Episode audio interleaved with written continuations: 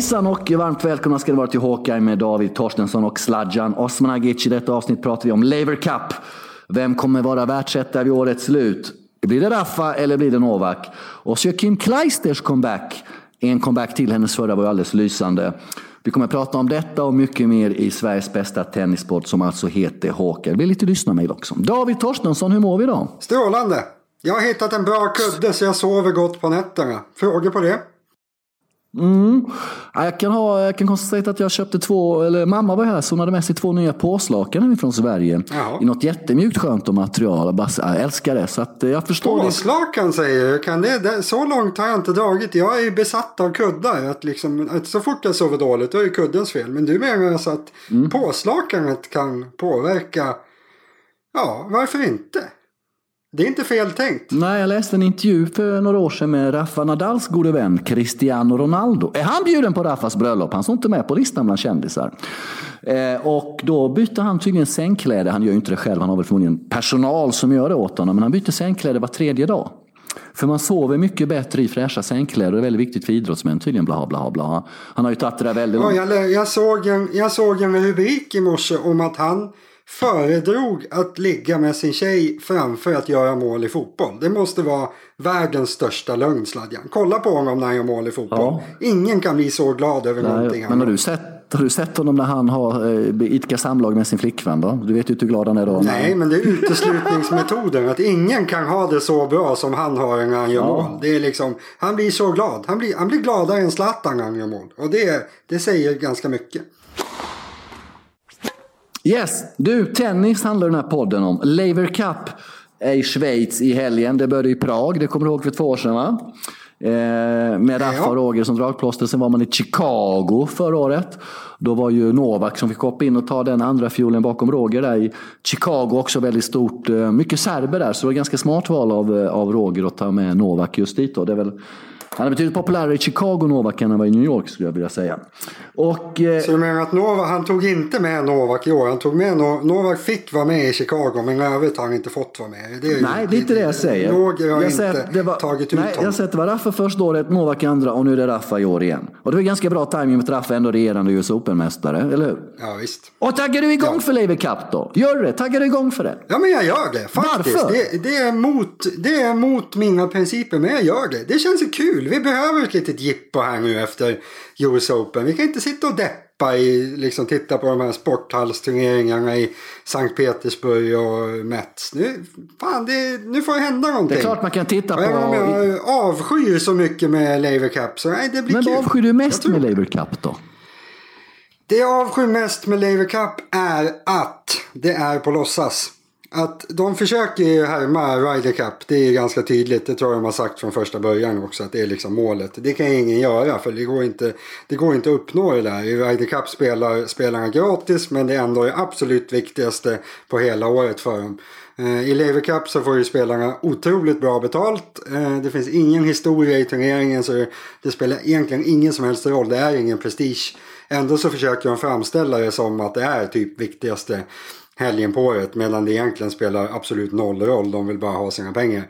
Men om man tänker bort det, då är det ju skitkul. Mm, och vad är det som är kul då? Ja men det är ju alltså det är ett bra format. Mm. Lagtävling i tennis, det är ju som upplagt för succé och det Nej men det, det är ett kul spelsätt. Eh, hade det varit liksom, jag påstår att Ryder Cup är ju kanske min höjdpunkt på året vartannat år. Det är liksom typ det roligaste som finns. Eh, så att, att liksom att se individuella idrottsmän helt plötsligt gå ihop och spela tillsammans. Det, är, alltså, det, det kan inte bli annat än, än eh, roligt. Sen finns det ju minus som sagt med Lever Cup så det blir inte riktigt Ryder Cup nivå liksom. Men nej, ja, det blir roligt. Sen finns det ju andra problem också som att det är väldigt ojämnt. Det är en, en spelare av de 15 högst rankade i världen som är från utanför Europa och han är inte med. Nishikori har väl inte varit med något av åren i Laver Cup. Han tycker väl att det är lite tramsigt kanske. Eller så är det någon, någon sponsor som inte vill ha med honom eller någonting sånt. Men de har ju inte, de är inte riktigt nära övriga världen kan vi säga. Det blir lite tunt när du inte har en, Delpo, en skadefri Delpo eller Kevin Andersson där. Eller då en Kinishikori. Konstigt att Key är med då som ändå har lite Uniclo gemensamt med Roger. För det är ju Rogers turnering. Eh, det är inget snack om det. Och det är mycket kritik om det också att eh, den är sanktionerad av ATP, de är inblandade. Australian Open har investerat kraftigt i det. Craig Telly där, till ordförande, har ju fått kritik för det. Och de här politiska kopplingarna. Eh, till och med Kyrgios och Zverev lever ju upp när det är Labour Cup och verkar vara väldigt peppade. De verkar vara mer peppade för den här helgen än för resten av året tennismässigt sett. Eh, vad känner du inför det? Om vi tar det politiska först. Så det har varit mycket kritik och frågeställningar. Vad, vad tycker du om det? Ja, jag tycker att det är väldigt knepigt. Alltså jag, förstår, jag förstår inte riktigt varför man måste spela det här samtidigt som ATP-säsongen pågår. Det hade ju varit upplägg att liksom lägga det här i november när det inte spelas några andra turneringar så att det inte behöver krocka. Men nu, nu är ATP med på tåget så nu är det väl inget konstigt. Men ah, lite knepigt. Jag tycker mycket väl man kunde ha kört det här lite senare på året. Eh, det vill man inte göra. Eller rättare sagt, det vill ju inte Federer och de bra spelarna göra. De vill ju vara lediga då. Um, Ja, det är väl så. Jag tycker att det är fel vecka. Men annars är det väl okej. Okay. Går det mer loss på det här än på den här ATP Cup då i januari i Australien där man ska spela ja, också lagtävling med länder hit och dit? Tycker du att det här är lite mer underhåll? Absolut inte. Det, det kommer ju bli bra. Jag förstår faktiskt inte hur de har lyckats så bra med, med ATP. Alla spelare ska ju vara med där. Alla. Jag har inte hört någon som inte ska vara med av de bra spelarna. Jag förstår inte vad de har om de har liksom gått ut med supertvång att det blir liksom ja, doppad i kära och rullad i fjädrar om du inte är med typ. Eller, vad, eller om det är så mycket pengar. Jag vet faktiskt inte. Men den kommer ju bli helt fantastisk. Det blir ju liksom alla de bästa länderna, alla de bästa spelarna under en och samma vecka. Eh, men det är ju landslag, det här är ju eh, en annan grej. Eh, alltså, som sagt, det är verkligen åt båda håll. Jag tycker att det är formatet är kul. Sen det du nosade på här att Kyrgios liksom helt plötsligt skuttar runt som en skolflicka och tycker att det här är världens viktigaste grej. Medan han eh, årets övriga veckor uppför sig som eh, ja, en, vad ska man säga, epa-raggare om man ska ta ungdomsjämförelser. Så han uppför sig ju mycket bättre under den här turneringen än under vanliga Det är klart, han uppför sig alltid bra när han spelar mot Roger när Roger är inblandad. Det är 35 dagar. Ja, Kanske. det vill du inte gå med på. Men du, det är 35 dagar sedan han spårade ut i Cincinnati. Fortfarande har inte ATP kommit med en dom. Efter Laver Cup, va? Då blir han avstängd fyra dagar. En tävlingsvecka. Ja, eller resten av året helt enkelt. När han ändå är trött på. Nej, det kommer han inte mm. bli. Det tror jag inte. Men eh, de skulle ju kunna göra det lagom till han har mm. klivit av säsongen. Han brukar väl inte åka till Europa mm. på hösten. Han stod väl över Paris förra året och sådär. Så det är väl inte ologiskt i så fall. Nej, det blev ju en lite spännande situation i, i, i, i jag på att säga, Ryder Cup förra året. jag menar naturligtvis Laver Cup.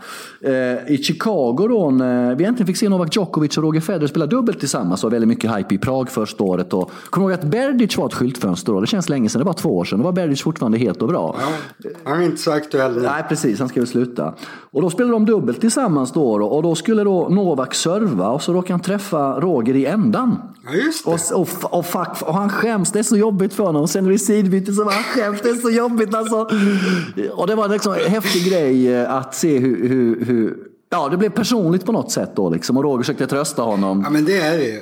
Det är ju verkligen, det, är, det, blir, det är det roliga. Alltså mm. det är kul att se, även om de spelar över spelarna något alldeles vansinnigt. Alltså, ja, de uppför sig väldigt, väldigt spänt och det ska liksom hejas på, det ska coachas hit och dit. De är inte avslappnade, inte sig själva, de är liksom, alla är hypade på något sätt. Men det är ändå kul att se dem, liksom. man får ju se dem umgås med varandra på ett sätt som man aldrig får se annars. Så det där är, det är ju rätt kul. Alla spelarna sitter ju i någon soffa eller vad det är bredvid eh, när en annan spelare spelar. Så, ja, det, det finns lite mervägen i det. Det blir, liksom, det blir bra show. Sen får man ju försöka bortse från det här andra och inte vara så bitter och allt vad det är som jag är. Då blir det ju liksom, då blir det sjukt kul helt enkelt. Du, eh, något som är väldigt unikt också i ett Laver Cup-sammanhang jämfört med andra sammanhang. John McEnroe då som är tränare, förbundskapten inom citationstecken för Team Världen, håller ganska låg profil i det sammanhanget jämfört med andra sammanhang han medverkar i. Ja, de andra håller ju ganska hög profil. Det blir väl motsatsförhållande för honom. Att då kan inte han spåra ur som man brukar göra kanske. Mm. Utan då sitter han mer där. De har inte så stor funktion han och uh, Björn. De sitter ju mest där och är mysiga liksom. Det är inte... Men det är, väl, det, det är väl bra för själva evenemanget. Det ger lite extra tyngd att de är med. Men det är väl sista året nu tror jag. Jag tror de skulle vara tre år och sen ska det komma in några andra nästa år. Det var i alla fall sagt det från början. Så får vi se vad de skrapar fram för namn. Ja, vad Torstensson ser då? Och, för namn? Va? Vad vill du se för namn där då? Ja, för namn? Jag vet inte faktiskt. Det känns väl som det där är ju liksom de gamla superhjältarna. Det går inte att ta in typ Lendl och Thomas Moster och Michael Chang liksom. Hur, det är ingen som bryr sig om dem. Så jag vet inte, man, man borde väl kanske utnyttja de här liksom.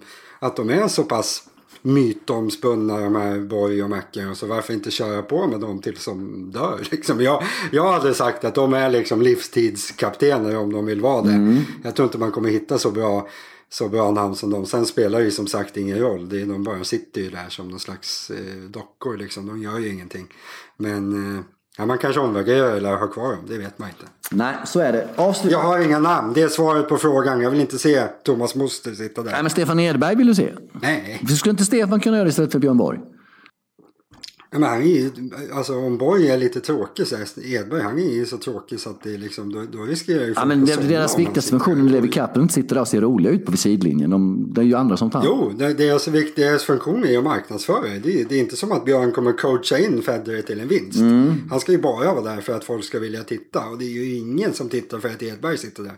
Eller Enqvist för den eh, sakens skull. Han är vicekapten. Mm. Mäktigt. Ja, sammanfattningsvis. Bra anus, Levi Cup ur ett sportsligt perspektiv. Vad säger du? Eh, anus. Och bra anus ur ett konsumentperspektiv. Bra. Yes. Fredag till söndag, det ska man kolla yes, på. Vi har yes, det gör vi. Du, vi hade ju lyssnarmail special förra veckan. Och vi ska ta ett lyssnarmail redan nu, för det återknyter lite till förra veckan. Vi har fått lite kritik. Vi blir ifrågasatta. Nej! Ja. Va? Våra, vår hjärnbark, Nej. våra minnesfunktioner, framförallt mina har blivit väldigt, väldigt, väldigt, väldigt, väldigt, väldigt, väldigt ifrågasatta här. Så jag tänkte att vi tar tag i det här mejlet från Rasmus Jönsson. Låter namnet bekant? Ja, det gör det vid närmare eftertanke. Men det lät inte bekant. Vi har gjort bort oss lite grann här. Så att jag läser helt enkelt. Jag tänkte upp i lägenheten och det regnar i Belgrad så går inte att ta på en taxi så jag jobbar hemifrån. Jävla skönt att sitta och jobba i joggingbyxor måste jag säga. Eh, ja, jättemysigt. Men det är fortfarande väldigt små typsnitt här. Så att, eh, hallå igen skriver Rasmus. Vad kul att ni läste upp mitt gamla mail från mars månad som ni redan svarat på med smiley. Redan där lägger han ju tonen. Här, känner man ju, här, här blir man ju pressad mot väggen direkt. va. Mm. Råder det demens eller allmän förvirring? Frågetecken. Mitt nya mail missar ni helt. Har ni glömt att ni hyllade mitt mejl i mars och ville utse mig till namnansvarig? Det har vi ett minne av när du skriver det Rasmus, absolut. Men inte annars. Eh, ja, ja, ni hade många lyssnarmail nu sist och jag förstår att det är svårt med det tekniska smiley. Ja, det kan vara jävligt svårt ibland faktiskt. Framförallt för mig, inte för David kanske. Så jag skickar väl mitt mejl igen och hoppas att ni läser mina nya frågor den här gången. Ja, och nu hettar det till lite. Han går upp, han, han går upp en klubba, han tar fram driven. Nu, nu tycker jag han ska lugna sig här Rasmus. Nu, han, bara, han knuggar in saker ja, han i har lagt träklubban åt sidan är det, och sen har tagit fram driven här. Så är det en helt ny driver tror jag det är som går 350 meter kan den här gå emellanåt. Lyssna på detta kära lyssnare och kära David Torstensson. Så här skriver Rasmus. Jag var kort i Serbien i somras på liten roadtrip skriver han här. va. Talade med så många människor som möjligt, typ tio stycken, gällande Novak och inte en enda tyckte illa om honom. Alla framhöll honom som en bra tennisspelare, men framförallt en bra person som gör otroligt mycket gott för landet. Finns någon som tycker precis tvärtom? Eh, fick en helt annan bild från dig Sladjan, så hur ligger det till? Frågetecken. Ja, här går han upp en klubba. Är han älskad av folket men ifrågasatt av media? Borde hört det. Och lyssna på detta nu David. Borde också hört av mig för en fika med dig Sladjan. My bad. Ja, riktigt din bad. Här har vi uppmuntrat, eller hur David, att folk som är i faggorna ska ta kontakt med mig så bjuder Håkan redaktionen dem på en kopp kaffe. Vi hade ju Patrik, vår härliga lyssnare från Göteborg, som säkert är triggad för Levi Cup nu. Men detta valde Rasmus att inte göra. Och så kanske det är någon karma som kommer tillbaka som inte har svarat på detta mejl förrän nu, vad vet jag. Men han har ett par frågor här. Eh, Såg igår Halep göra bort sig fullständigt. Att lobba inget hon tränar på tydligen. Lite fler frågor. Hur kan det komma sig att så få kvinnor kör serve och volleyspel? Borde vara fler eh, som utövar det, blaha blaha. Då säger jag Taylor Townsend som gick till fjärde rundan, eller gick till kvartsfinal till och med i USA, i US Open, såg ut Halep. Kör ju bara serve och volley, tränas av Donald Youngs pappa. Eh, det har du ett exempel. Två, varför är, det så två kvinnliga, varför är det så få kvinnliga spelare som använder enhandsbackhand? Senaste storspelerskan var väl belgiskan Justin Anan, ja, som jag minns det. Vilken jävla känsla hon hade. Ja, det är bra. Det var svårt för oss att svara på den frågan. Det får vi ta i någon tennisdamtränarpodd. Vilket slag är tenn... Ja, jag kan svara ja, på alla. För, för, han ännu fler ja, frågor? Ja, vi tar den tredje först. Vi tar den tredje. Ja, Rasmus har, han, har, han, har, han all in här. Vilket slag är tennisens fulaste? Ja, det är Marin Cilic serv. Vi vet ju alla vilket som är det. Och så slutar så här, vi vet ju alla vilket som är det vackraste smile. Jag måste tänka att han syftar på Raffas backhandvolley vid nät då. Ja, såklart. Eh, nu bänkar vi oss inför ännu fler goa matcher. Den sportslige clownen mot vodka ginger lär ju inte vara en defensiv match direkt. Eh, jag vet, när skrev han det här egentligen? 12 september. Nej, varför skickar du det här så sent då? Mejlen kom ju till dig David, sen vidarebefordrade du dem till mig. Okej. Okay. Jag? Nej. Ja, vill du, vad tycker du är tennisens ja. fulaste slag? Eh, Trojkis alla det är mycket ex-jugo där med Cilic serv och Trojkis alla slag. Så har vi, täckt, har vi ringat in det ganska bra. Eh, damspelare och enhandsfattade backhand då? Ja, de är för, för svaga. Mm. Det är samma som att man kan inte spela enhandsbackhand om man är... Och nu menar jag inte att det är något fel med att kvinnor är svagare. Hör ni det? Ja. Men det är väldigt svårt. Alltså, man måste vara väldigt stark i kroppen för att kunna, kunna eh, använda enhandsbacken. Man ser inte så många det är ganska svårt att lära sig enhandsbacken som liksom litet barn till exempel. För du har inte styrkan i kroppen och det, så är det ju såklart i damtennis också. Det är väldigt få i herrtennis som har enhandsbacken för det är inte särskilt effektivt i jämförelse. Det är mycket, ett mycket svårare slag. Eh, men eh, ja, det, man måste vara stark i kroppen för att kunna ha en stabil enhandsbäcken. Och det är väl inte Schiavone, italienska, mm. som haft eh, enhandsbäcken efter. Undrar om inte hon, vad heter hon spanjorskan? Eh, så. Det finns en spanjorska tror jag som har enhandsbacken också. Så det är så. Serve och volley, på damsidan, samma sak såklart. Eh, alltså ska du kunna spela serve och volley måste du ha en väldigt bra serve. Eh, det är inte så många damspelare som har en så liksom, dominant serve. Så, nej, det är inte så smart att spela serveroll i allmänhet för så många damspelare tror jag. Så det är inte heller så svårklurat ut det där. Sen vet jag inte, han hade typ sju frågor till. Eh, det var bara de jag såg faktiskt. Jag vet inte om det saknas okay. en utskrift. Men det får räcka för Rasmus för den här gången. Vår namnansvarige. Det är givetvis inte varken mitt eller Sladjans fel att de här mejlen har liksom blivit omblandade. Det måste vara någon liten assistent på redaktionen som har gjort det här. Vi, vi är helt... Eh, nej, det har ingenting med felaktigheten att göra. Absolut. Det är bra att du säger att vi har ju kört den här nu sedan januari. Det är bra att du hojtar till om att vi tydligen har en assistent på redaktionen. Just, för, först nu, det hade jag ingen aning om. Tack för upplysningen. Skulle ju den assistenten kunna skriva ut de här mejlen i större typsnitt så man kan läsa dem exempelvis. Jag vet att du drömmer om en assistent, men vi har ingen assistent. Du, vi kör på med lite fler lyssnare som har kommit in under veckan, Rasmus. Nya färska, purfärska mejl mejl här. Eh, så här skriver Olof eh, David.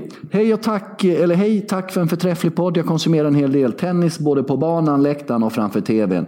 Något som börjar frustrera mig är tennisens bestraffningssystem, framförallt nu med alla divor som tror att de är större än sporten själva. Typ Tsitsipas, Kyrgios, Zverev, där har vi det. Man kan bete sig som en riktig idiot och slå sönder saker som en huligan, peka finger eller psyka motståndaren på diverse sätt. Straffet är en muntlig varning. Gör man sedan om det igen eller bryter mot reglerna på ett annat sätt så hör och häpna förlorar man en hel poäng av typ cirka 200 poäng i en genomsnittlig femsetare.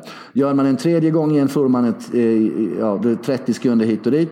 Eh, ja, hur tänker vi kring detta? Vad tycker han? Han tycker att man borde bestraffas hårdare för dåligt uppförande. Summa summarum tycker han att det här börjar bli mer och mer kalanka bestraffningssystemet och att det inte är konsekvent och att domarna ser mellan fingrarna emellanåt. Och det har kommit upp mer på ytan då med de här tre namnen han nämner då, Kyrgios, Tsitsipas och, och, och, och Zverev då. då. Eh... Jag, jag tycker så här, att jag tycker att det är jättebra att bestraffa spelare med en poängförlust när de gör någonting fel. För en poängförlust i tennis, även om man, alltså det spelas eh, 60, 70, 80, 90, 100, 120 poäng på en match. En poäng är ändå hela tiden, var gång han, nästan var gång han kommer, ett rejält straff. Så jag tycker att man skulle göra så att varje gång en spelare gör någonting som inte är okej. Okay, då får han ett poängstraff. Jag tycker man inte, mm. man behöver inte ha varningar. Om du liksom, nu är det ju lite så att man får en varning först. Sen gör man något annat fel, då får man en varning för det. Och sen kan man göra alla möjliga fel, ha en varning på varje. Och sen måste man göra samma fel en andra gång. Då får du ett poängstraff. Jag tycker man kan steka, om man vill komma till, om man vill få ordning på det där. Då skulle jag säga att då tar man bort alla varningar och så, så fort man gör någonting som man inte ska, då får man ett poängstraff. Då får man välja själv om man tycker att det är värt att slå sönder racketen för att förlora en poäng. Det är liksom, då kommer spelarna lära sig det. Ligger man under med 0 för 40 roll i, i motståndarens serve, ja men då kan man klippa racketen och så förlorar man gamet. Då, liksom, då, ja, då får man ta det straffet och så får man bedöma det själv. Det tror jag skulle vara ett bra sätt att göra det där. Um, jag tycker inte man måste liksom hitta hårdare bestraffningar som att förlora gem eller förlora match eller att bli mm, ja, elchockad eller något sånt där. Det, det behövs inte. Utan nöt på med poängstraff bara när man gör något fel. Så jag tror att det där kommer att lösa sig själv. Okej, inga konstigheter. Vi har ett mejl från Malte. Tack Olof för ditt mejl. Malte skriver här och har en ganska hård rubrik här. Man skulle kunna tro att Malte och Tsitsipas har en sak gemensamt. Rubriken Bra namn, är nämligen... Malte, det är strålande namn. Ja, Snyggt. men vet du vad rubriken i mejlet är? Nej. Veka fransmän. Var det Tsitsipas sa till domaren där då, you are all weirdos you French och sånt där. Ja. När han torskar mot Rublov i, i första rundan. Det är lite värre att säga weirdos än att säga vek. Mm. Så här skriver Malte. Hej, tack för en riktigt bra podd. Tack för att du tycker det. För några veckor sedan hade ni Richard Gasquet som veckans ledare. Han kanske inte är känd för sin fysik och kan lätt bli trött i långa matcher. Men jag har för mig att eh, han har någon form av sjukdom som han inte kan träna på riktigt som han vill. Om detta stämmer det är ju helt otroligt bra att under så många år ändå vara i toppen. Vore kul om Sladjan kan undersöka detta. Han är grym ta fram fakta. Det var ju bra att jag läste igenom det här mejlet i sändning och inte innan sändning. Vi får återkomma i just det ärendet. Men han skriver lite fler saker. En liten grej om Monfils när det är stora matcher och han börjar hålla på med tricks och det ena och det andra. Killen är ju supernervös och gömmer sig bakom sina konster. Lite synd om honom, man orkar ju inte hålla på honom längre för man vet hur det slutar när det väl gäller. Tänker Per Benoit med en dålig forehand och inte en obefintlig i forehand. Sjukt vad han skulle vara bra. Sist men inte minst, Federer hade haft 25 slams med Djokovic psyke, eller vad tror ni? Ja, ska du börja med den sista frågan där? Hade han haft 25 mycket, slams? Det var mycket om där liksom. Att, tänk, om, tänk om jag hade, om jag hade Djokovic forehandbacken och returer. Då tror jag att jag skulle kunna skaffa mig tillräckligt bra serve för att vara topp 100 i världen i alla fall. Ja. Ehm, ja, det är Federer 25 slams med Djokovic psyke. Ja, det tror jag. Han hade plockat på ganska bra i början innan Djokovic mm. kom upp. Om han haft eh, Djokovic psyke. Då hade det ju rasat på. Så det tror jag absolut. Det där med Gasquet och sjukdom. Jag vet inte. Jag, han är väl lite oseriös och lat. Jag vet inte om det är någon sjukdom. Jag har inte hört någonting. Men det, det, det får väl bli något för sladdis att undersöka det. Ja, men vi tittade väl på rätt bra innan var veckans spelare. Jag hittade inget liknande så jag får väl eh, titta vidare eh, Eh, på det där helt enkelt. Eh, det är väl inga, inga större konstigheter. Rörande Benoit Per så förstår jag faktiskt inte. Jag såg i morse, jag satt och kollade igenom dagens matcher. Han möter just Gasquet idag. Han är rankad 23 i världen nu Per. Jag kan inte fatta det. Han kan ju inte spela forehand. Jag, jag, jag, förstår verkligen inte att folk inte klarar av att spela lite smartare mot honom. För alltså, 23-vägen. Det är helt sinnessjukt. Han är inte så bra. Han kan inte spela forehand människan. Mycket märkligt. Vi har även ett mejl från eh, Per Jörnemyr. Han skriver så här. Hej tack för mycket bra hemsida. Det är din hemsida Vamos Straffa en bra mm. Den är bra. Följer, ja, följer den är fantastisk. Följer slavisk och är för övrigt en 47-årig tennisnörd som tävlar aktivt inom veterantennisen. Ständigt kollar tennis på tv och lyssnar på diverse tennispoddar. Funderar lite kring hur du ser på begreppen talang och träningsprodukt. Eh, som det talas om emellanåt. Tycker själv eh, eh, bästa med, med diskussionen kring, vad fan, nu, följer, nu tappar jag bort en rad här ser du. Eh, han tycker själv att begreppen är komplexa och blir ofta väldigt trött när det ständigt oreras om Kyrgios extrema talang som han slösar bort. Visst kan han ibland slå det allra bästa, men diskussionen kring en talang dyker oftast upp i fel sammanhang, enligt honom, när han eh, slår helt omotiverade konstslag i viktiga lägen i matcher och så vidare. Kan man tala om extrem talang när en spelare har så stora svårigheter mentalt på så många plan, till exempel brist på motivation, Koncentration, fokus, styrka, träningsvilja och så vidare? Frågetecken. Mycket relevanta frågeställningar här från Per. Eller innehåller begreppet fler ingredienser? Frågetecken. Kan ni se andra så kallade talanger som inte tagit sig fram till toppen? Eller talanger som lyckats ta sig fram till toppen trots att de inte gillat att träna eller haft andra stora brister? Och vad är egentligen en träningsprodukt? Vore intressant att höra hur ni ser på till exempel Borg, Edberg, Villander, Järryd, eh, Söderling, Enqvist, Norman, Thomas Johansson. Din kompis Thomas. Ja, det var mycket intressant från Per här måste jag säga. Ja. Mm, var började vi någonstans? lite vad jag skulle säga. Det var något i början. Ja, oh, träningsprodukter var jag. Eh, mm. Och talang och grejer. Eh, jag tycker att det finns olika sorters talanger. Alltså en, det som folk oftast menar med talang. Det är ju alltså fallenhet. Och när det gäller sport och boll tänker jag då liksom på. Fallenhet att göra någonting utan att vara särskilt bra på det från början. Liksom, att man inte har gjort det särskilt mycket. Jag, jag har en bror som jag skulle säga är alltså, ja, topp tre i alla fall bolltalanger som jag har träffat i mitt liv. Eh, han, var, han var ju liksom, han var bäst i Sverige i pingis och typ topp fem i tennis när han var 13 år någonting. Han, han spelade varken pingis eller tennis då. Han bara plockade upp en racket och, och, och liksom spelade. Han har ju noll talang på den här andra sidan. Han har ju fantastisk bolltalang. Men talangen när det gäller att liksom jobba hårt, att träna sig fram, att liksom lära sig när, från det här första. Där har han ju liksom noll. Han har ingenting. Han, kan, han blir inte ens bättre när han tränar. För han orkar inte engagera sig. Och precis samma är ju Kyrgios. Fast kanske ännu lite bättre såklart. Men alltså han, han har en fantastisk grundtalang när det gäller att spela tennis. Jag tror inte, det är ingen som har lärt honom hans fantastiska serveteknik. Han bara, det är inget konstigt för honom. Han kastar, kastar upp bollen och, och lappar till den. Samma med hans grundslag. Man ser, han är inte skolad. Det där är liksom någonting han har, han, han bara kan det. Men sen har han inte gjort någonting för att utveckla det där. Han har ju aldrig tränat, tränat hårt. Han har liksom aldrig lyssnat på någon. Och då, därför blir han inte bäst i världen. Men när det handlar om liksom så här, det man ofta kallar för talang, som är liksom bolltalang. Ja, Typ så. Där, har han ju, där är han ju typ bäst. Han har ju bäst liksom förmåga att bara spela tennis utan att träna. Eh, sen finns det ju de som har båda och så finns det ju de som har liksom väldigt högt på det här att, att jobba sig fram. Och där kan man väl säga att Nadal är ett ganska bra exempel på motsatsen. Att jag tror inte att han liksom... Visst, han har en bra bolltalang och så vidare men det han har gjort är liksom jobba, jobba, jobba, jobba, jobba, jobba, jobba och till slut så är han bäst typ. Federer är lite mer åt bolltalanghållet. Så olika typer av talanger tycker jag egentligen man ska prata om. Det folk stör sig på tror jag är när, när folk liksom pratar om supertalanger som typ Kyrgios och inte fattar att det finns en annan typ av talang man måste ha också. Då handlar det om det här att att vara beredd att jobba hårt och vara beredd att lyssna och vara beredd att lära sig. Liksom. Så, olika typer av talanger behöver man ha om man ska bli bäst. Och har man bara en som Kyrgios har då blir man inte bäst. Okej. Okay. Eh, det var det, det. Tack för det mejlet. Eh, du har ju fått lite uppdrag. Det var en massa annat där men det vet jag inte. Det där med Borg och ja, det... Edberg och grejer. Jag vet inte. Nej, det är svårt. tar vi en annan gång. Svårt. Får någon annan spåna kring. Raffa eller Novak, vem är världsetta vid årets slut? Det talar väl mycket för Raffa va? Ja, det borde det bli. Mm. Då löste vi den diskussionen väldigt snabbt, eller hur? Ja, den ska vi väl återkomma till lite. Men det, jag vet inte. Det, du har, jag ser att du har skrivit upp den i körschemat här. Men jag tycker att vi, vi lyfter över den till nästa Hawkeye. För jag, det, det, är inte så aktuellt den här veckan. De spelar Nej, inte. vi får vänta lite efter Asian Swing. Novak kör ju Tokyo och, och Shanghai.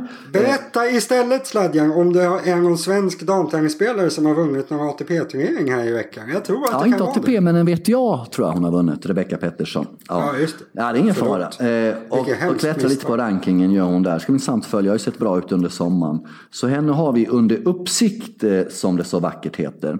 Eh, apropå bara, eh, Nadal kör ju inte Asian Swing så vi återkommer till världsettan vid årets slut inför Paris och London där, det är lite mer, där vi har lite mer förutsättningar klara för oss. det handlar väl lite grann mycket poäng Novak drar in där borta i Tokyo och Shanghai. Eller om man spelar överhuvudtaget med den här axelskadan eh, som vi inte riktigt vet hur det ligger till med. Kim Kleisters gör comeback igen David. Eh, Spontant känner man rätt så häftigt. Spontant känner man också att det finns mycket risker. Men det finns ju oerhört mycket att vinna. Hennes senaste comeback eh, vann hon ju ett par Grand Slams, Grand Slams där. Eh, så det ska bli oerhört intressant att se hur hon mäter sig. Framförallt kanske mot den nya generationen. Osaka, Andrescu och de här. För det ju, kan vara väldigt, väldigt stora skillnader. Vad känner du spontant? Är det ett konstigt beslut eller ett intressant beslut eller vågat beslut? Nej, men alltså det är väl skitkul. Alltså det jag känner det är att när man har varit borta sådär extremt länge. Då kan man inte ha några krav överhuvudtaget. Alltså hade hon kommit tillbaka ett år efter att hon la av eller två år efter att hon la av. Då förväntar man sig kanske att hon ska komma tillbaka och hon ska vara lika bra nu. Men alltså nu, det, är väl, det måste ju vara sju, åtta år sedan hon spelade. Och då, alltså det är väl en superrolig grej. Jag önskar att fler liksom, herrtennisspelare också. För det är klart att de saknar att spela tennis. Så varför inte våga? Om hon, liksom, om hon blir 70 vägen eller 80 vägen och inte blir bättre. Det är väl inget att skämmas för det. Hon har inte spelat på hur länge som helst. Alltså, jag, jag, tycker inte att det finns någon som helst risk. För det kommer inte påverka hur man minns henne från när hon var som bäst. Jag, jag kan inte se att man ska, ska eh, behöva tänka så. Så jag, jag, tycker det är skitkul. Är hon sugen på att spela? Klart hon ska spela. Roddick hade skrivit en eh, tweet till henne om att eh, han, eh, han ser vad hon håller på med eller vad han skrev och indikerar att det kanske vore något för honom också. Det tror jag inte. Men det vore ju absolut för en sån kille. Varför går inte han in och spelar någon turnering? Det vore skitkul. Det är bara att gå in och serva så är han topp 80 ja. världen. Får väl be Båstad skicka ett wildcard till honom nästa sommar då. Får se om han dyker upp. Ja, nej, kanske inte Båstad. Jag, tror inte, jag, tror, jag skulle inte rekommendera att Roddick en pensionerad Roddick spelar på grus med Stockholm Open kanske. Skicka honom. Skicka, jag skicka tänker att Båstad kanske är med. Vad tror du om Kleisters då? Vad, vad är din prognos? Topp 50? Usch, jättesvårt att säga. Jag vill nästan se henne spela lite först så att säga. Va? Eh, eh, jag, vågar, jag vågar inte ge mig in i en sån diskussion just nu. Vi ser hur det ser ut när hon är tillbaks. Vågar du inte ens gissa? En, en supergissning. Hon kommer nå, under nästa år kommer hon nå hon kommer nå minst två kvartsfinaler i, ja, två av fyra kvartsfinaler kommer hon nå i Grand Slam nästa säsong. Får försöka min Rasmus Jönsson kan väl komma ihåg detta. Det är ju bra. Så får, man, får han sätta dit och sen. Jag tror hon är lika gammal som mig, Kleister. Så hon är ju ung, pigg och fräsch. Liksom. Så Nej, det, det kommer Menar du att du också är ung och pigg och fräsch? Jajamensan, otroligt. Jag är fortfarande lovande. Ja, apropå lovande, vi hade en liten eh, poll på vår Twitter igår. Håka Twitter, Håka i eh, underline podcast va, på Twitter. Vi finns på Instagram, prenumerera på podden. Vi gör det här i samarbete med Betthard. Vilket av följande tre tennispar är coolast? Agassi Graf, Monfils Citolina Tiem Mladenovic. Och det vart ju Agassi och Grafen fick 86 procent av rösterna. Det kanske var taskigt mot de här två mer moderna paren och ha, att de fick tävla mot Agassi och Graf som då tillsammans har över 30 Grand Slam-titlar va? Om inte jag missminner mig totalt sett. Det är ja, ganska starkt. Nu var ju frågan om hon var cool, men Agassi är ju ganska, eller är han cool? Jag vet inte. Man, man kan, men Steffi Graf ja, är väl cool. cool som helst. Så ja, jag förstår. Du, eh, Svetlana är inte ja, så cool. I vårt lyssna special förra veckan då, så var det flera som ifrågasatte din lista du hade veckan innan i Håke då när du hade rangordnat de tre största talangerna på Challenger-touren. Där du då har varit så pass fräck, Torstensson, att du inte hade med finländske tennisspelaren med det knepiga efternamnet Russuvori, Emil. Va? Eh, och i helgen så vann han mot Dominic Thiem i Davis Cup, David, denne Russovori. Vad säger du nu då? Undrar de här en del människor. Ja. Ja, vi ska väl, det var ju finnar som skickade in En finne och det, det annat. Så får, vi får inte generalisera så. Ja, den andra var ju minst halvfinne. Det, ja, så var i Oavsett det så vann Russovori mot Thiem i helgen. Det är det vi ska prata om. Otroligt bra ja. gjort. Han stod och höll Thiem mot backen hela matchen. Han spelade allt mot... Han gjorde precis det som alla borde göra mot Ben och Per, men tvärtom. Han eh, stod och höll Thiem mot backen hela tiden. Thiem fick till slut panik och eh, slog bort sig. Uh, ja, vi får se. Det är otroligt bra seger när man är 150 i världen som den här finnen som jag inte kan uttala namnet på uh, är. Så det är ganska bra ett team. Det mest intressanta tycker väl jag ändå är att se hur till intet jogg team kan bli någon som spelar taktiskt rätt mot honom. Uh, jag är lite orolig för team faktiskt Ladja. Jag tror han kommer... Berätta mer. Nej men alltså, han är ju inte bra på hardcourt. Nu kommer jag säga det här som du alltid tycker är lite irriterande. Men på långsam hardcourt, mm. de här Indian Wells och Miami, där funkar det. För där kan han stå och dra sin den här höga loopande backen och det funkar. Han hinner. Men när man såg honom möta finnen nu i helgen. Eh, han, alltså, det går inte. Han har inte tillräckligt bra, snabb, kvick, effektiv backhand. Han har för stor sving. Så när spelare kommer se det här och börjar bara nöta allt, allt, allt mot hans backhand. Alltså, jag tror inte han kommer göra så bra resultat. Jag tror han kommer, liksom, han kommer vinna strömatcher på hardcourt, inte så mycket mer. Om motståndarna börjar spela liksom taktiskt smart mot honom. Eh, och då blir det ju lite jobbigt. Alltså ska man vara Ja, nu är han inte fyra längre. Nu är ju Medvedev eh, självklar fyra såklart. Men alltså ska man vara femma där som han ligger just nu. Han måste ju antingen börja spela nästan bara på grus. Eller så måste han, tror jag, vinna lite mer matcher på hardcourt än vad jag ser framför mig att han kommer göra.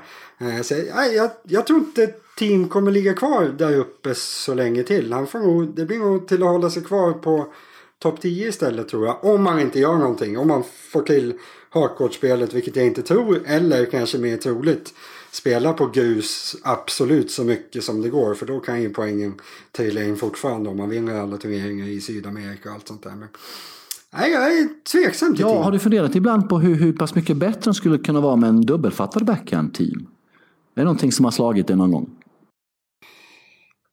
Ja, alltså så otroligt svårt att säga. För alltså, man ska ju inte, man ska ju liksom inte ta mig på orden. Det är klart att team har en jätte, jättebra. Jag menar, om, man, om man står och bollar mot någon som är 200-300 i världen så kommer hans backen fortfarande vara eh, jätte, jättebra. Liksom. Så det är inte som att hans backen är på en nivå av en, en eh, klubbspelare. klubbspelares. Liksom. Men, Ja, kanske. Jag vet inte. Han, han, eh, av de spelarna som har enhandsbäcken och är nära toppen så är han egentligen den enda som är kvar som har backenden som en supersvaghet. Tittar man på Gasquet, Wawrinka och Federer. Alltså ja, Federer har den som en svaghet men inte som en så här jättesvaghet vilket förut var ganska vanligt. De som hade enhandsbäcken de hade svaga bäcken. Kommer ihåg Fernando González till exempel som liksom gick till Grand Slam-final och, och var sjukt bra trots att han egentligen inte kunde spela en,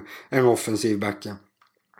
Tim är väl kvar i lite, lite i det där att han har liksom backen som en supersvaghet. Så Ja, hade han börjat spela med tvåhandsbacken från början hade han troligtvis haft en, en bättre backen än vad han har nu. Så din, din fundering är, är eh, relevant. Men det går inte att göra nu. Nej, han skulle ju liksom inte kunna byta till tvåhandsbacken nu. Men absolut, han hade varit bättre om han hade börjat med tvåhandsbacken. Du har fått i uppdrag att göra en lista David.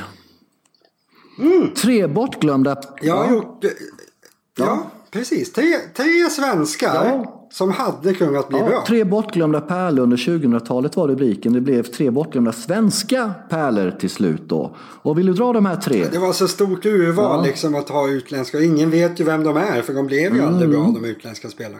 Men jag skriver ju ofta mycket om hur usel svensk tennis är. Jag skrev det, jag, jag valde till exempel i helgen efter Davis Cup-matchen där som Sverige vann mot Israel eh, och fokusera på hur eh, dåliga vi är. Vi hade två spelare i laget som i princip inte spelar professionell tennis. Det är inte så bra när man har liksom ett femmanna landslag. Vi har fruktansvärt dålig bredd på tennisen i Sverige.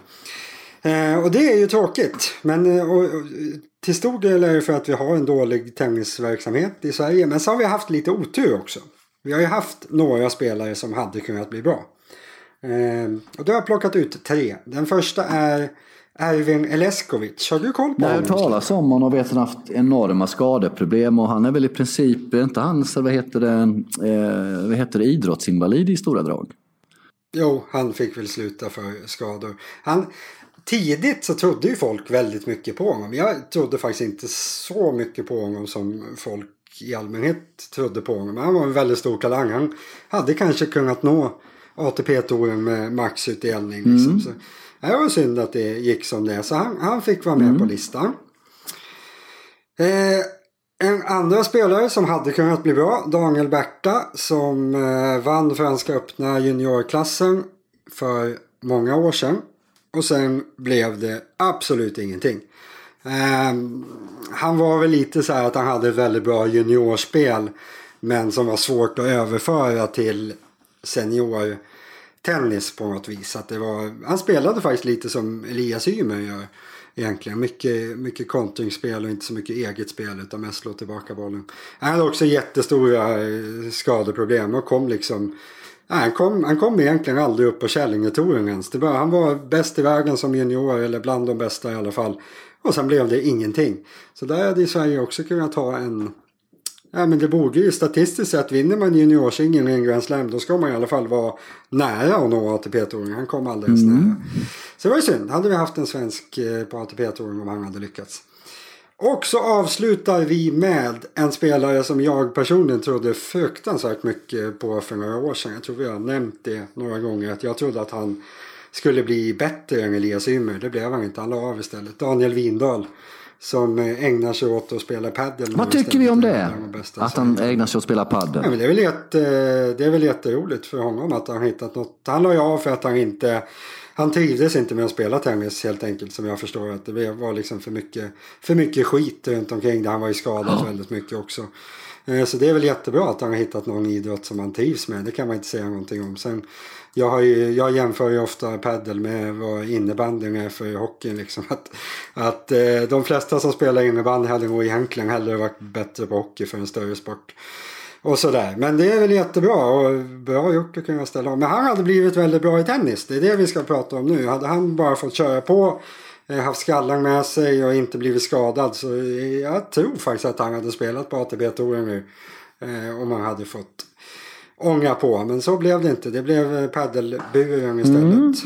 Kanske blir megastjärna där istället. Tror jag inte i och för sig. Men i alla fall bland de bästa i Sverige. Inte så Du har ju även fått gå in då i rollen som Björn Borg och John McEnroe då och ta ut sex spelare vardera då till Laver Cup. Som det skulle se ut idealiskt sett om det inte fanns skador och politik inblandat. Ska jag dra ditt Europalag så kan du själv dra världslaget. Och ditt Europalag. Vi... Vad säger du om det här? Nu, nu ska jag dra Nej, mitt Europalag. Jag, dra, jag drar mitt Europa. Ska du ja, dra så drar laget? du världslaget. Och jag drar Europalaget från spelare 6 och uppåt. Som spelare 6 har du då den utvalde. Som spelare nummer 5 har du Standerman. Som nummer 4 har du då vår älskade Andy Murray. Med metallhöften. Sir Andy. Mm. Sen som nummer 3 har du Federer väldigt, väldigt märkligt att sätta honom som nummer ett där, det är ändå hans turnering. Som nummer två har du Nadal, väldigt, väldigt provocerande, precis han har vunnit US Open. Och som nummer ett har du den här Djokovic, den här som har kommit in och förstört för allt och alla, som håller på att förgöra hela tennisen. Den förfärlige. Eh... Det känns som du är kritisk till min uttagning här Vad är frågan om? Det, det, var, det där var väl ett bra lag? alls kritisk. Jag försökte bara få upp tempen lite genom att säga att det är fult att ha Federer på tredje plats när det är hans turnering och det spelas i Schweiz, hans hemland. Eh, men här med, med två invalider, jag på att säga, Mario Wawrinka, skulle ju världen kanske ha en chans här. Eh, ja, ska ja. du dra ditt världslag då? då? Men det vore, väl, det vore väl kul. Jag tänkte lite mer så här att om alla stjärnor stod i rätt läge mot solen så att säga. Om man, om man kunde ta ut det absolut bästa laget det här laget, Djokovic, Nadal, Federer, Murray, Wawrinka, Medvedev. Det är bra lag. Alltså det, det, är ett ganska bra lag, eller vad säger du? Det känns, det, det känns svårtuggat. De där, de, de, om de där kämpar, de kommer, de kommer liksom inte förlora. Det kan vi ju vara överens om. Vilka har sett i dubbelkombinationer? Jag har nog valt Murray, Federer. Som första dubbelkombination jag skulle ja, vilja se. Murray är ju den som borde vara bäst i världen mm. med dubbel. Alltså egentligen om man ser till spelstil. Eh, Federer borde väl också vara det, även om man har lite svårt med sina backar i tur. Men jag, jag håller med. De eh, skulle nog... I, på, I teorin ska de vara bäst, men jag tror att de skulle få stryk mot eh, Nadal slash Djokovic. För de är nog bättre i praktiken egentligen. Jag tror det. Men eh, ja, det var ju en okej okay match i alla fall. Varför har den matchen aldrig spelats? Ja, vi får eh, dra ihop våra sparpengar och fixa en uppvisningsmatch på Åland. Du, är världslaget, hur ser det ut? Del Potro, Andersson, Sock, Nishikori, Isner, Kyrgios. Där kan nog inte stå för själva rangordningen med Kyrgios alltså? Du har med Kyrgios? Ja, ja, alltså han, han kämpar ju i ja. han, han, är ju typ deras eh, nästan starkaste kort. Och han kan ju spela ja. dubbeln också. Eh, och Sock tog jag med för att så fort Sock är med i en dubbelmatch så vet man att han vinner. Ja. Så han, han, kan ju spela med lite vem som helst så vinner de dubbeln.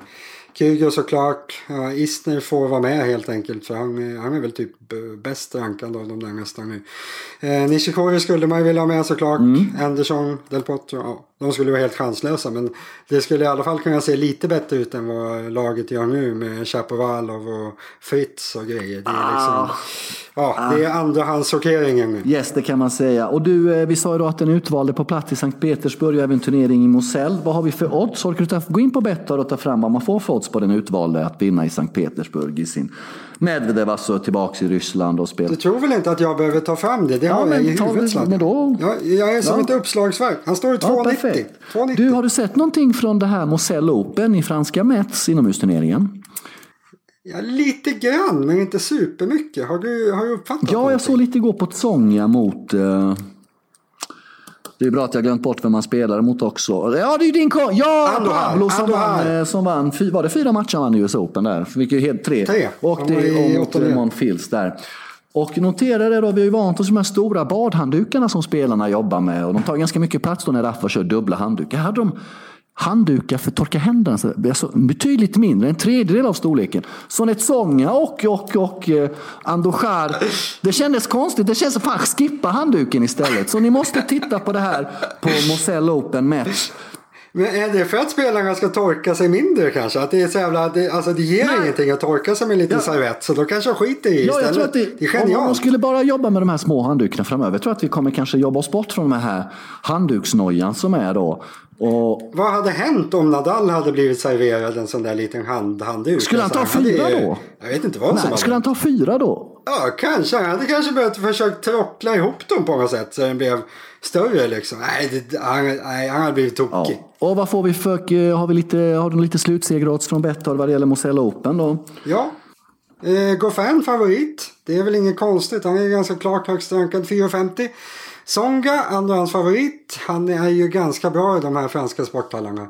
Sen har vi, han står i sju gånger Songa, står i sju gånger. Basilashvili, Gasquet, Carreno Busta. Varför skulle man spela på Carreno Busta? Spela inte på Carreno Busta till nio gånger. Skitodds. Eh, han står både nio och tio gånger förresten, Carreno Busta. Så man får välja där. Han står, han står med två gånger på Betthard. Mäktigt, mäktigt. Eh, nej, Ja, jag tycker man... Eh, vem ska man spela där då?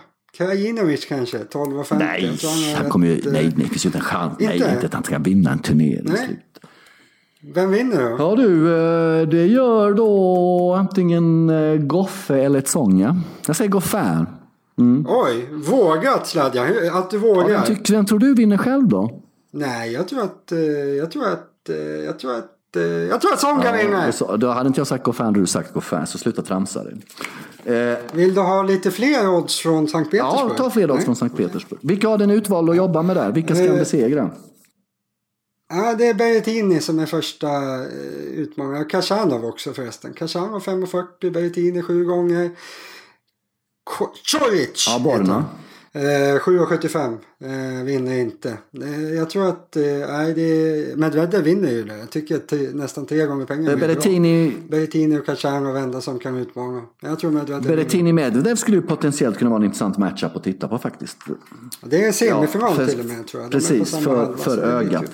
Ni har lyssnat på Hawkeye, Sveriges bästa tennispodd med David Torstensson och Sladjan Osmanagic. Eh, ja. Vi gör det här tillsammans med Betthard ja, och vi, eh, hörs. vi hörslar nästa vecka. Känns som jag glömde någonting. Se om Rasmus hade något med i sitt mail här. Jag tror jag glömde att berätta hur fantastiskt bra jag är att jobba med. Om du kunde dra liksom en två minuters utläggning bara på hur, hur, hur ditt liv har förbättrats sen vi började göra det här. Eh, det är ett jättestort nöje att jobba med dig David, det vet du. Vi har ju varit i kontakt mm, fortsätt, långt innan fortsätt. vi började Hawkeye. Eh, jag tog kontakt med dig, mm. lite famlande sådär, man vet ju inte jag är väldigt strukturerad. Ja, men jag, jag kollar ordning och snälla någon. Alltså annars, ja. nästa gång du vill att jag ska äh, säga något gott om det kan du skicka ett mail i förväg med copytext. Att liksom men om du, vill att, om du vill att jag ska berätta då så, ja, så, så du vet jag kontaktade dig för några år sedan och lite mm. sådär famla i mörkret. Man hade läst din blogg och vet att du kan ju vara arg på vissa människor. Du är väldigt rak och så. Man visste ju inte riktigt grann i vilken av dina garderober man var. Den som är okej eller den som är långt ifrån okej ur ett mänskligt perspektiv. Eh, men jag var tydligen i den okej hörnan där. Vi vilket var väldigt trevligt. Och sen så ja, började träffas vi väl i december förra året, november kanske, första gången sen Real Life. Fick väldigt, väldigt bra intryck av dig. Och eh, vi har ju kemi, jag gillar dig, jag får intryck att du gillar mig också. Och vi gillar att jobba med varandra. Du kan ha dåligt minne ibland med att du kanske glömmer, om man ber dig, om man ber dig göra tio listor kanske du glömmer åtta av dem. Men i det stora hela är ju det absolut Det var ju positiva ingenting. saker vi skulle Och det, säga. positiva, det mest positiva med dig det är att jag blir positiv av att umgås och prata med dig. Eh, ja, det, det tycker jag om väldigt, väldigt mycket. Och eh, vi kommunicerar ju båda två. Vi kör ju raka rör liksom. Vi är ju ärliga och vi är ju transparenta. Det är inget liksom, snickesnack. Och där stick... Nej, det här får vi klippa bort sladden. Det blir alldeles för... Jag får, jag får dämpa i det. Nu tar Ja, men det fan, du lugnt. bad ju mig hålla på över... Alltså. Nej, det blev för mycket. Jag känner jag fick liksom vattenskalle här. Det blev, nej, det blir för mycket Mm. för mig. Det var inte meningen. Säg att jag är värdelös istället så stänger vi ner avsnittet. Nej, men du är ju inte värdelös. Jag kan ju inte sitta här och ljuga. Du är fantastisk att jobba med. Du är en, du är... Nu är vi över 50 minuter och vi, det är ingenting av substans Ja, och ändå bad du mig att prata om det i fem minuter. Fantastiskt. Där, och det blir ett perfekt avslut. Tack David, tack till alla som har lyssnat. Vi är tillbaka nästa vecka. Hej hej!